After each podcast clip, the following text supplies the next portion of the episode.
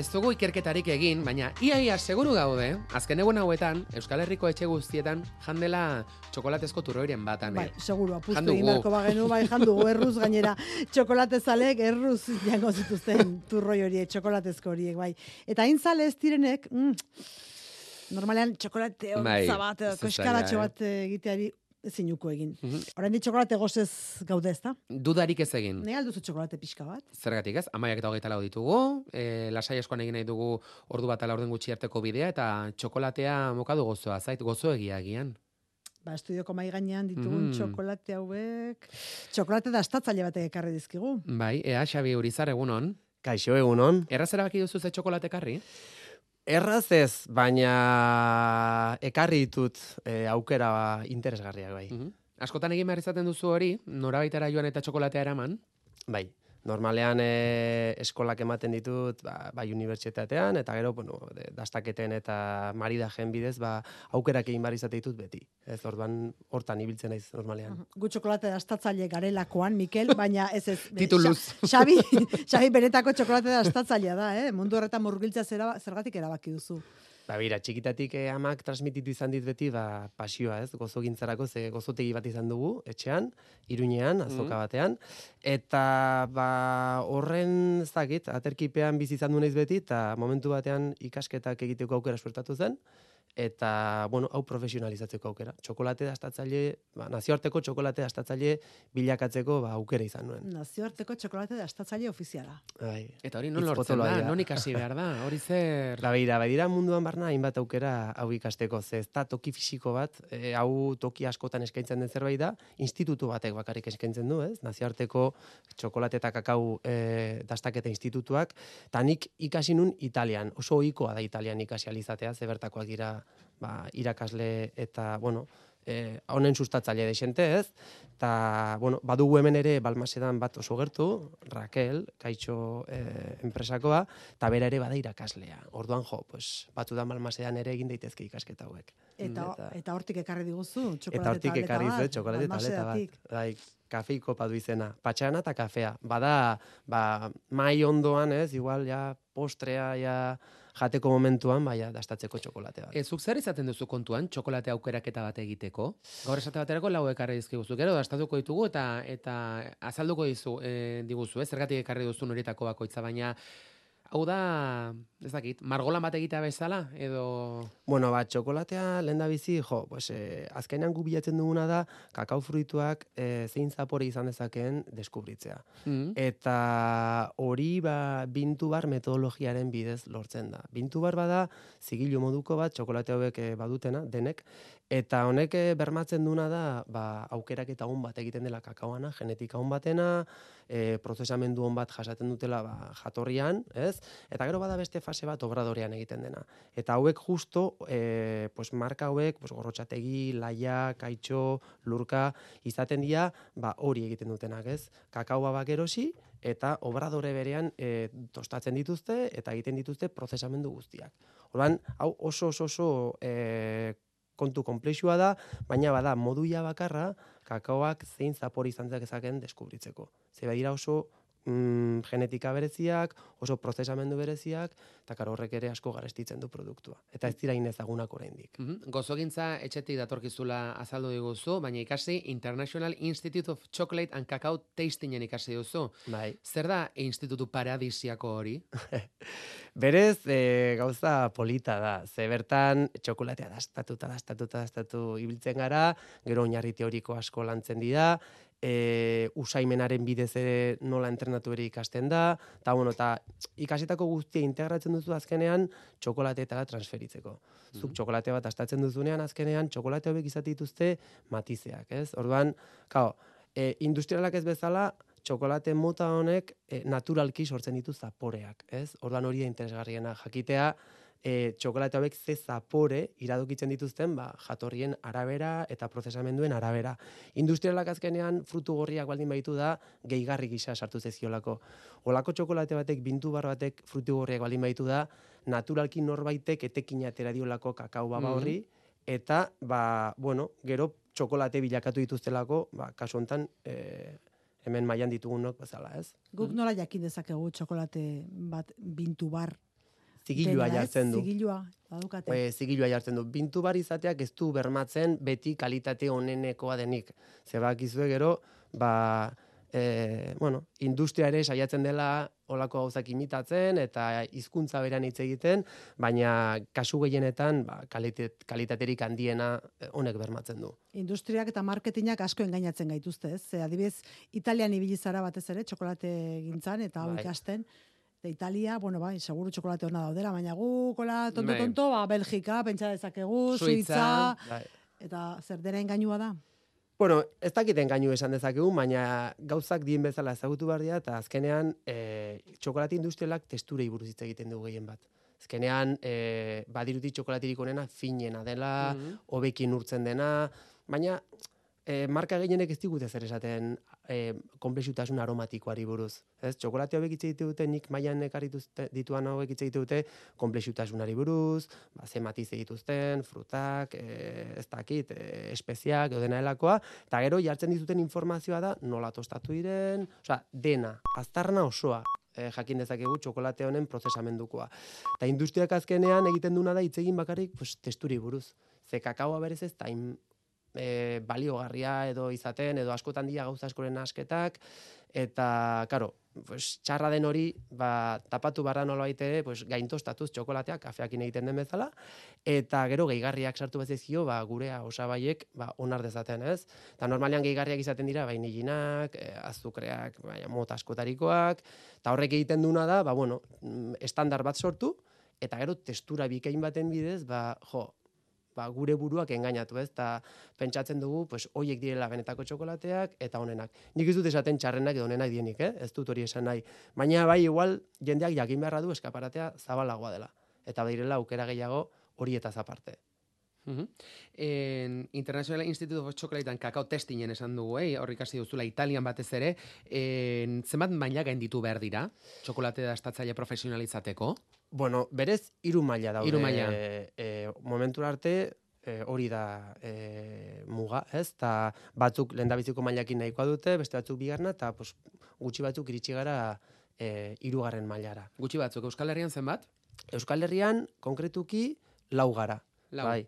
Bat bada, esan nahi dugu, eh, esan nahi baita pues, er- erreferentea, eh, Raquel, kaitxokoa, bera izan baita Euskal Herrian eta munduan lehendabizikotarikoa, eta gure irakasle ere bada, orduan, bueno, naiz eta oin maila berean gauden denak, beti biratzen diogu erari, pues, gauza berriak ikasteko eta erreferente gisa ez, baina gero bagaude beste hiru, pues, bueno, bertara iritsi gaenak eta gure lana eta bidea egiten ari gaenak. Eta zertarako aukera ematen dizu maila goren horretan egoteak, eta ez dakit elastikoari, zure elastikoari begiran nago, eta hor daukazu Xabi Kakao Tasting. Eh, bueno, pues nik nire marka propia sortu dut, eta ba, nire dastaketak, maridajeak eta esperientziak sortzeaz gain, ni irakaslea naiz. Nik baut nire plaza Nafarroan, eta bi gauzak uztartuz, pues adiez iritsi naiz unibertsitatera. Hemen kulinarin eh, eskola batzuk ematen ditut, gero Alicanteko unibertsitatean ebai izozkigilei eskolak ematen dizkiet, eta dena ba, txokolatean ebaluazio sensorialan inguruan, eta beste hainbat Mhm. gauzen inguruan. E, txokolatea dituzu mai gainean, eta elkarrezketarakin jarraitu jarraituko dugu, baina zerbait ahoratuko genuke, anek Bai. eta bio gusturasko. Noski, ba, bauzue bat ematola deigarri ditzen zaizuena, edo nik aukeratuko dute zein. Balmasetako horrekin hasiko gara? Bai, bueno, honek, Bueno, zuk esan, eh? Eh, hau utziko igual, komeni den hori azkenerako? hau azkeneako, zeberez, kafeiko padenez, Vale. igual pentsatu dago ja Orduan zuk erabaki, zeinekin hasi. Ba, begira, ez dakit, adibidez hau. E, gorrotxategiren txokolate honek badu berezitasun bat, horregatik egartzen dut. E, berez, mira, hemen soinua ere entzungo dugu, Bai, zuzenean. Mira, zuek deskubritu bar duzue, zuzenean eta esklusibaz gauzatxo bat. Txokolateak badu, kakao baba bat, bai, eta honek badu, ba, mezu oso potentea. E, txokolate hau egiteko, kakao baba hau izan da oinarria. Txokolate Orduan- tableta bada, fina, eta erdian dauka... Eh, Kakao baba bat. Bat balitz bezala, kakao gorrotxategi baba. sortu kakao ale bat, ez? Bai, e, ez dakit, hezkuntza sistema txiki bat sortu du txokolate honen bidez, ze azkenean hemen jendeak proba dezake, ba, txokolate hau egiteko erabiden kakao baba, bai, eta horrela, ba, aztarna, e, ez dakit, e, ikus dezake ez, txokolate hau nondik hasi da ekoizten, ba, kakao baba ontatik. Eta gero, ba, hemen esan dizudan bezala jartzen da, zein tokitatik datorren, nork egin duen, iaia aurpegia jardakioke ba, e, ba bau ekoiztu duenari, eta hau da, txokolate mota hauek eskaintzen aldi gutena, eta ez beste txokolate batzuk. Ze best- Euneko irurogeita amabiko kakao portzentaia. Bai, eta hau badator, ba, Errepublika, eh, Dominikar Errepublikatik. Zuzen zuzenean, gaina badakigu nork ekoiztu duen, kasu honetan biok ezagutzen dugu Rafaketanik, eta beste kideke bai, eta, bueno, ba, berez, txokolate hauek ez dute ezer eskutatzeko. Orduan, normalan izaten dituzte kakao babak, azukre eta kakao gurina. Gehienetan, bi hiru osagairekin, e, txokolateak izan ditzake, ba, milaka zapore. Ze berez, kakao babak dakarren gauza bat da, ez gehigarriek dakartena. Ez, orduan, bueno, probatu nahi bali moduzue, Bai, Ba, eh, Gastatuko dugu, nola Xabi, en... Ea? Ai, Ira, hartzatzezuk puxka bat. Egin behar da parafernaliaren bat, edo Bai. zuzenan ahora, Bai, edo bai, usaitu bai, behar da bai. lehendabizi, edo... Bada metodologia bat, e, bueno, hemen dauden zaporeak hobeki auto emateko. Orduan, lehen bizi, bueno, gauza askori buruz hitz egin genezake, baina joanen gara zuzenean arira. Sartu ahora, usaindu eta gero, Mm. noski, ikusiko Usaina. duzue, usaimenan bidetik aktibatuko zaizkigula ba, prekursoreak, ez? Ba, ahoan nabaituko ditugun prekursore horiek. Eta gero, ahoan, e, urtu egin behar da. Sartu. Ezin dugu murtxikatu, ze hori egiten badu, Hori delitua da. galduko dugu. Zuk murtxikatu eta das, e, tragatzen baduzu, ez dugu ez duzu eginen e, prozesamendu olfatibo guztia, bai? Sudur sudurzulotik eta abiatu behar dira urtzen den bitartean honek askatzen dituen molekulak.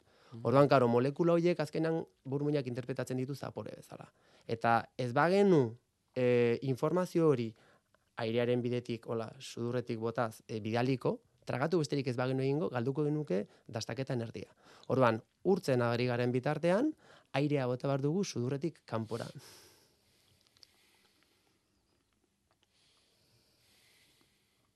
Mm. Eta hori gertuko dira pixkanaka, ba, txokolate honek e, gordetzen dituen sekretu horiek. Bai, printza ageri agerikoak ditu, Bai, ez?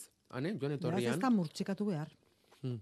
Askoz gehiago irauten du gainera horrela. Mhm. bai, gaina honek pos, badu persistentzia asko zere handiagoa, eta hortako prestatuak daude. Gutxirekin, ja txokolate hobek ja asebetetzen gaituzte berehala.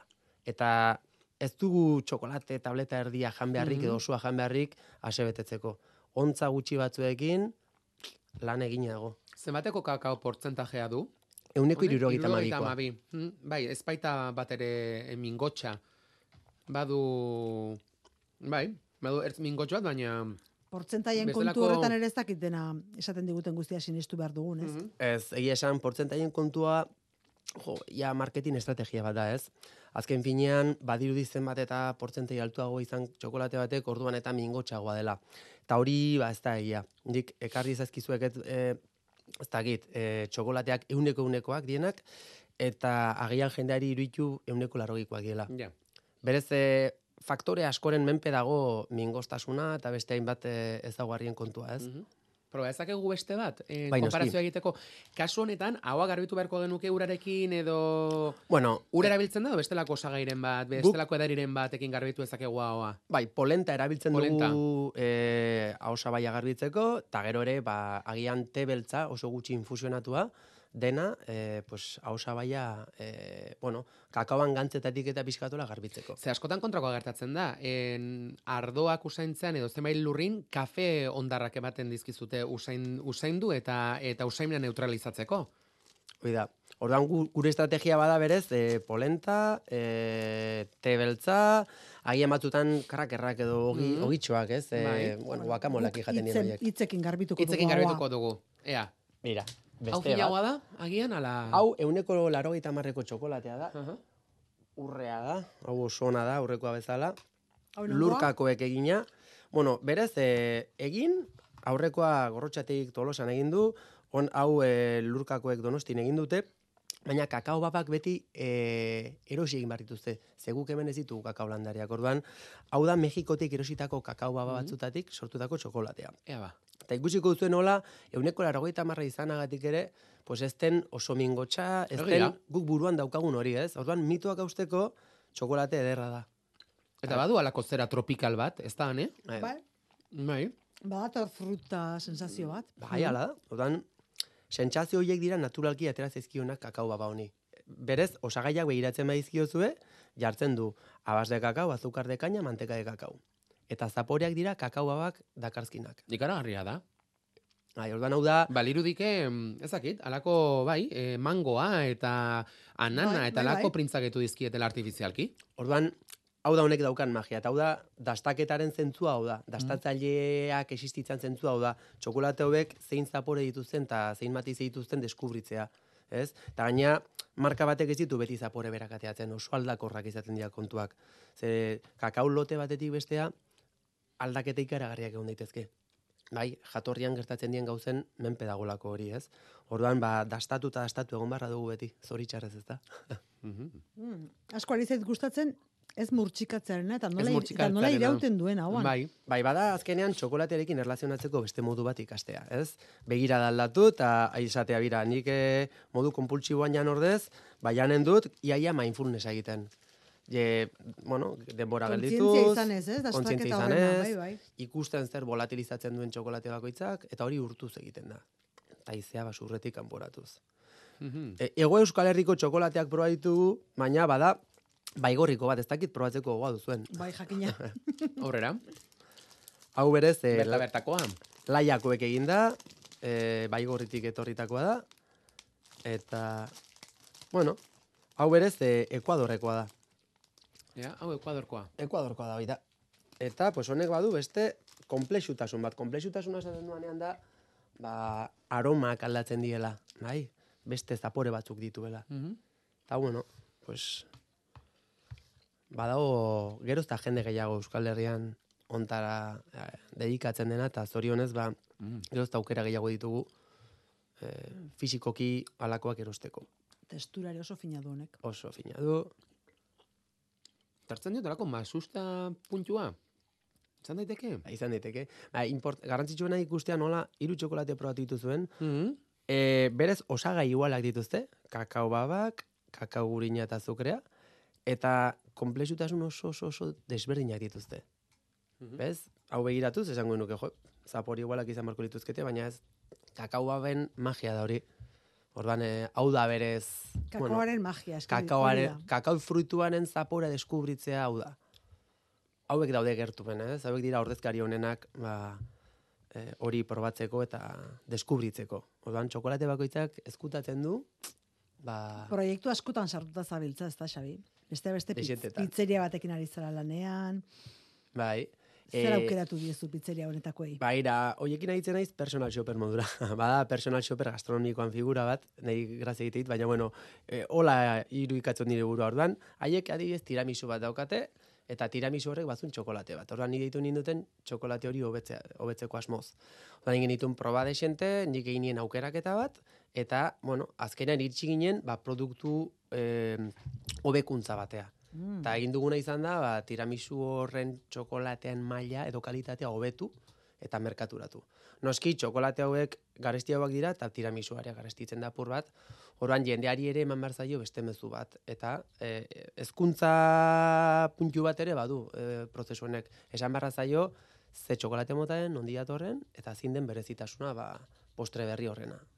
Eta panetone batzuentzako txokolate perfektuaren bila ere aritu bentzara. Bai, ba, bada iruñan, e, bueno, okin bat, e, panetoneak egiten dabilena, eta berare, pues, Espainiako panetone txableketara aurkeztu zen, ba, biok aukeratutako txokolateekin, ez? Mhm. Bueno, orduan horri, horri ere produktu hobekuntzan ere lagundu nion, oda, personal shopper esaten duan hori da, azkenean deitzen haute, eta nik ez duan ez inorendako lanik egiten, nik lan egiten dut beti, ba, bueno, hobe, hobeenak egiten zezkian produktuekin, eta hor, pues, merkatu analisi badago, Bai. Eta azkenean honek izan zunare da prozesu bera. Ba, panetoneak eraman zun, ba, uste genuen txokolaterik e, egokiena doituena eta, bueno, komenigarriena. Eta izozki gintzan ere bai.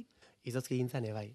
Horre badut sortea irunen badelako, bueno, nire maztea irundarra da, eta irunen bada ba, izozki hilerik ospetsunetariko bat, e, kulinarineri irakasle dena, Bai.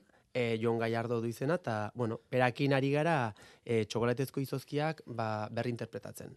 Eta hori esaten duanean da azkenean jendeak uste du, ba, txokolatezko izozkiak gira zapore mota batekoak, eta guk egiten ari garena, gu egiten ari garena bada, ba, jatorri buruz egin, e, bueno, pues igual Ekuadorko txokolatea, Nikaraguakoa, Indiakoa, eta hemen egin dugun prozesu bera de, deskubri arazten ari gatzizkio jendeari, ez? Jo, pues, matize horiek nola interpretatu izozkian bidetik, bueno, pues bada beste maila bateri gotzea txokolatezko izozkia.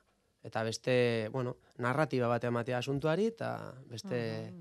Eta larun batean irunen ikastaro bat emango duzu? Bai, jonekin batea. Horre probatuko ditu ba, kakao baba freskoak, e, txokolateak, e, jon gai ordukin indako izozkiak, berez, irundarrendako Mhm. gauza bat da, irun, irungo udalak e, antolatua dena, eta horre ere, ba, bueno, ikusten duzu, ba, aziak zabaltzen ibiliko gara, eta e, gustuko ditugun, ba, bueno, gauza guztiak eta lankidetzak e, erakustarazten jendeari. Dena den argituko dugu, hau ez da ez dela zeure ofizio bakarra. E, e, bigarren hezkuntzako irakasle ere bazarelako. Hoi da. Ni berez banaiz, Zorioneko zeure ikasleak bide batez. Ezaki txokolatirik eramaten ote duzu Bai, bai, bai. ikasgelara? Zuek guzti baino gehiago Ah, segurazki, bai. bai, bai. Berez euskara irakaslea banaiz ere, e, plaza badut Nafarroan eta bueno, pues azkenan hezkuntza eta txokolate egintza eta elkartu ditut unibertsitatean, baina ni bigarren hezkuntzan oso gustora aritzen naize bai. Ba, euskara irakastean DBH eta batxiergoan, orduan ba nire bi plazerrak lortu, bueno, elkartzea lortu ditut eta noiz behinka aritzen naiz unibertsitatean. Baina berez bizi bizi bigarren hezkuntzako lan, lanetik bizi naiz. Eta nola ustartzen dituzu? Ze en, irakasle zarenean hor geratzen da zeure txokolate dastatzaile aldea eta alderantziz ere beste horren beste. Bueno, eh, Nastu daitezke. Nazionatu daitezke. Txokolatearen pare. Nastu daitezke txokolatearen pare, bai. Azken finean, e, bueno, onatorri barduanean, baimenak eskatu eta eman egiten dizkiate, orduan asko errazten diate kontua, eta ez naiz astero etortzen, ez, ona edo alikantera edo, behaz, ba, bueno, oso gauza puntualak dienez, ba, asko disfrutatzen dut. Mhm. Eta, Balmaserakoa geratzen zaigu, probatzeko. Bai. Bai, gaina honek, ba, sari bereziak jaso ditu, bueno, bestek ere sariak jaso dituzten, naiz eta ez dituzten hor ageriko, baina hau bada, ba, kafea eta kopan e, errepresentazioa ez. Ba, bazkari baten ondoren, ba, bueno, probatu barrekoa edo esperimentatu barrekoa. Eta honek baditu e, gehigarriak. Bai, hau bada ja, naita sortutako, ba, zapore festa bat. Zapore festa. Bai, zapore festa da ikaragarri ona da. Euneko, beira, euneko laro gaita marreko kakao kantitatea dauka. Eta hau bere urtuz jan beharra da. Eta fijatzen bat zaite, ba, momentu batean solidon bat topatzen mozu, ba, Kafearena segituan etorri zait. Kafeara bere ala etorri da. baina kaitxok daukan berezitasuna da kafe ekoizleak direla ere bai. Espezialitateko Mm. kafea egite dute. Kafe eta txokolate hitzan e, nasketatik sortzen da kaitxo Mhm. izena ere bai ez. Eta, bueno, pues, oso produktu honak dituzte esan. Beste guztiek bezala, eh? Mhm. Baina, bueno, oain hau daukagu ahotan, eta niri ikaragarri gustatzen zait. Bazkalosterako, esate baterako, osa proposa da. Ba, nabaitzen alduzu adibidez mingostasunik edo kakaoan aldetik edo... Ba- Badute mingostasun puntua, baina e, ez dute en, zaporea baldintzatzen. Hoi da. Ez dute osapaia en... Ze pusketatxo ditu? Hmm? Bau, em, normalean kafea izaten da. Kafe zatitxoak. Mm. Kafe zatitxuak, beste batzuk jogatzen dute kakao zatitxuekin. Na, horrek ematen dio azkenean, ba, kriskras hori ez. Eta, jo, iruditzen zait, bukaeran hola murtsikatzen baldin baduzu, ba, beste maila batera pasatzen zaela, ez? Testuren mailara eta azkenean dena, ba, integratzen duen txokolate bat da, eta, bueno, netzako da... Zaporea, te, zaporea eta textura ipatu ditugu, baina koloreari erreparatzen altzaio. Ba, koloreak, normalean, jendeak kolorea erabiltzen du, ba, txokolatearen purutasuna edo em, identifikatzeko, baina hemen kasuntan ez da koloreak, e, ez koloreak modu hortan erabiltzen. Azkenan, genetikaren arabera, ba, koloreak asko aldatzen dira. Ez tostatzen mailan arabera. Ka, industriak tostatzen ditu txokolateak beren aukeren gainetik, orduan ilundu egiten dira, ia erre. Orduan jendeak hori identifikatzen du, ez? Iaia zenbat erre den txokolate bat. Hemen txokolateak oso ongi tratatzen dienez, ba, e, tostatze prozesuan, ba, kolore aldaketa nabarmenik ez dute. Orduan, genetika bakoitzan kolorea da ikusten dena, ez?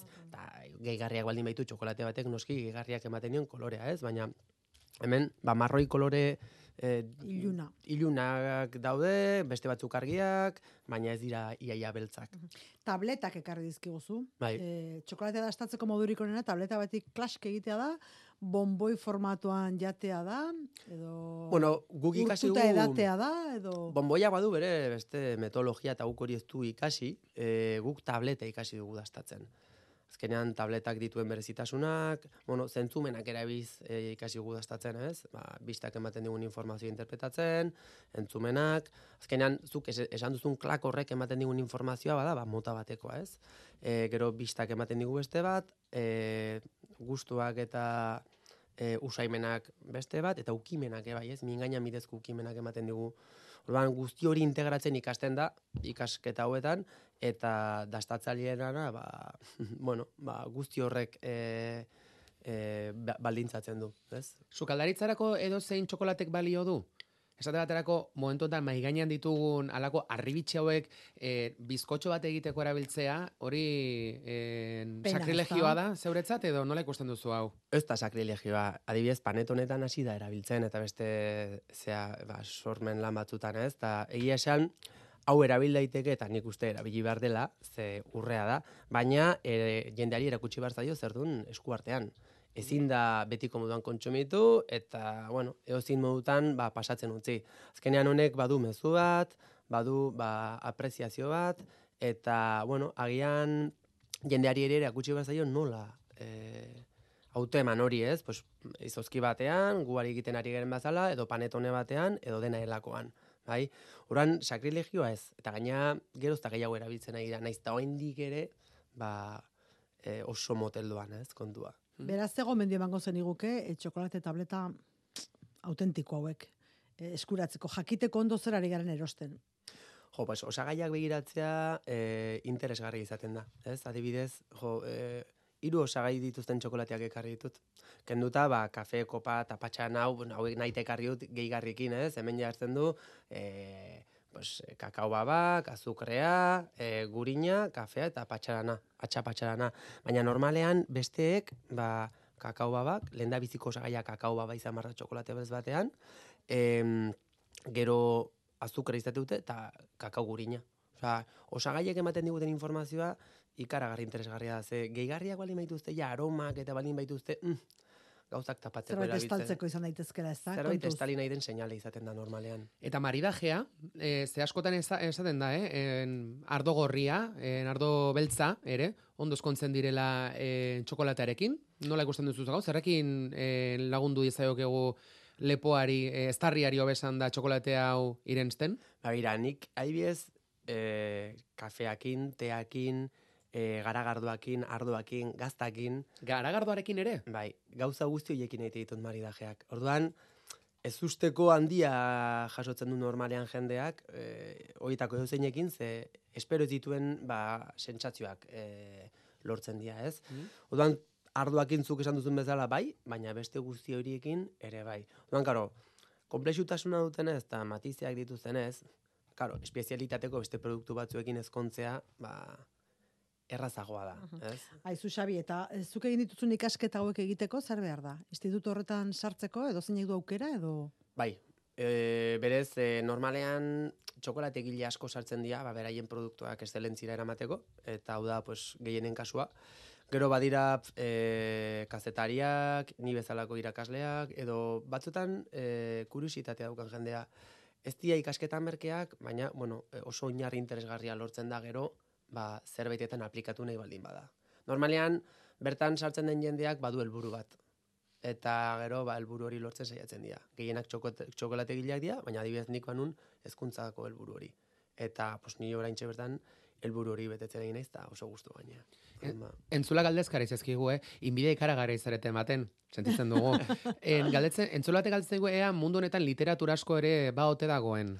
En... Bueno, eh, badaude artikulu zientifikoak gero eta gehiago. Mm Bai, ba, aipatu ditugun ba, gauzak eh, azaltzen saiatzen dienak. Ez batez ere, ba, jo, normalian inorrek hitz egiten ez digun kontutaz hitz egiten duten artikuluak dira. Eh, jatorrian zegertatzen den, ez? Nola gauza asko estaltzen dien toki batzutan eta nola txokolate hauek baitz egiten duten jatorriko prozesu buruz adibidez, ez?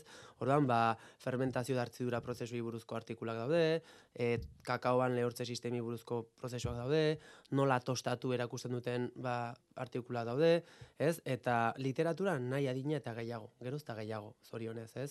Baina egia da, ba, prozesamendu industrialak ez digula askotan mm, prozesamenduaren parte bati buruz hitz egiten eta ez dia gauzak e, kontatzen. Orduan, pues, gu bagatozona guztia kontatzera Eta txokolate hauek oso e, adibide ona dira, hortako ze ez dute zer eskutatzen. Hain onak dira, ze kakaoa bera, e, e, ps, ia, biluzik, e, ez, e, uzten dute, pues, azukreakin eta gurinakin batea, eta kakaoak berak hitz egiten du. E, Lodiera, eh, dastatu ditugun laurak, nahiko finak dira. bai, Ze komeni da hor?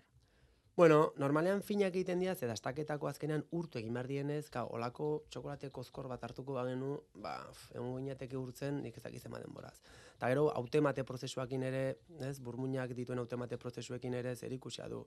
Jo, erratzago autematen dira gauzak, seguraski txokolate finakin, eta, eta bueno, gero ere atseginagoa da olako Mhm. ontza txiki bat sartzea. Baxa beurizare txokolate dastatzailea eskarek asko, biziki, eta urrengor arte. Eskerik asko zuei. Eta atzera berriz ere iruñarekin bat egin behar dugu, zabalik dugu konexioa maite hartolarekin, hasia baita Kristina Ibarrolaren aurkago zentsura mozioaren bozketa maite aurrera.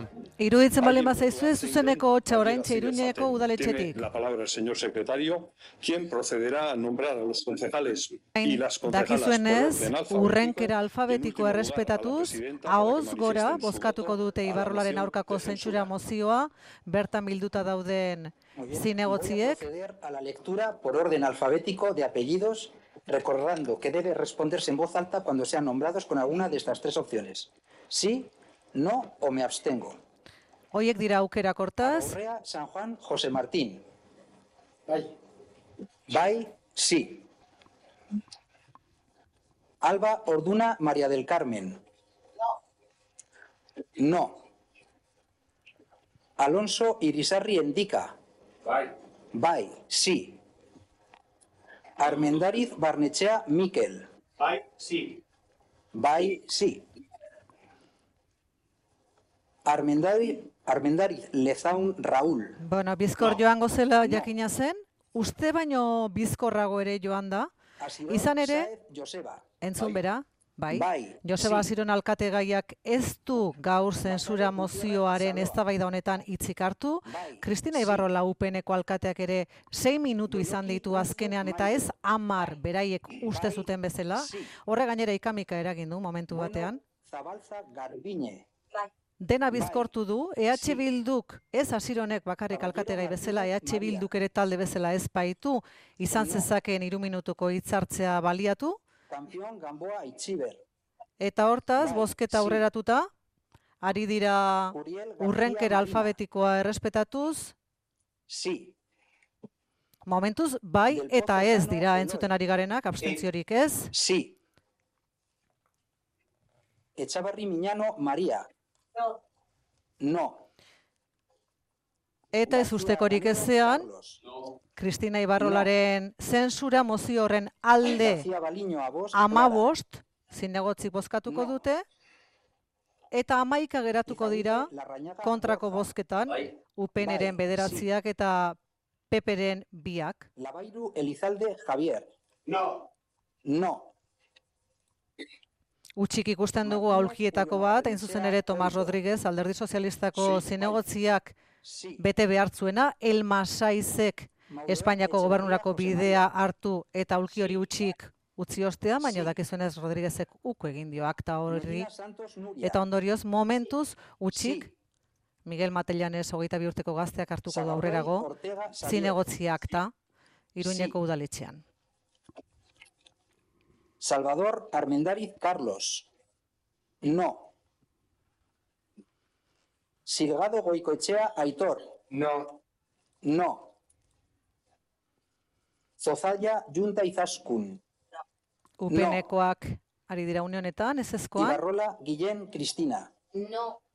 No. no ozen, Kristina Ibarrola, une batetik bestera, alkatetza makila utzi beharko duen alkatea.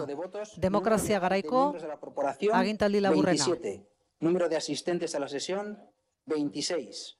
Votos a favor de la moción de censura, 15. Votos en contra, 11. Ez usterik eh, gabe, joan da bozketa hortaz, espero ziren ama bost, Bozketaren emaitza ikusita, zentsura mozioa onetsi da, eta Joseba Asiron Saez jauna Iruñeko udaleko alkate izendatu da. A la vista del resultado de la votación, queda aprobada la moción de censura. y Hain justu ere, izketan entzuten duzuen Koldo de geroa baiko ordezkariak emango dio zuzenean eskura aginte makila Joseba Asironi. Kargu hartuko du, hori dela eta, Asiron jaunari eskatzen diot, nerekin batera, osoko bilkuren aretoko erdigunera hurbil dadin. A continuación, procede llevar a cabo la toma de posesión del alcalde ante la corporación municipal, por lo que ruego al señor Asirón se oraintxe, al centro gerturatu dabila. Joseba Asiron, Eli eraso, aurrera. Bai, eta gerturatzen ari da Joseba Asiron, EH Bilduko aurki alkatea izanen eh, dena, ikusten ari gara Koldo Martinezek. Jarriko dio, emanen dio eskura Iruñeko aginte makila. Entzuten ari zarete, zina karguari zina egin beharko dio. Edo hitza eman beharko duzu, osoko bilkuraren aurrean, apirilaren... Ba, zuzen zuzenean Euskadi irratian, oraintxe Iruñeko udaletxean gertatzen ari dena. Laro eta sei legegintzako errege Ea nola- dekretuaren emezortzigarren artikuluan sedatutakoarekin bat. Previamente a la toma de Ea nola egiten duen. debe Zi? tomar- debe prestar Bai, maite, deigarria egiten zaigu, deigarria egiten zaigu aurpegi serioa ikusten diogula, bisaia serio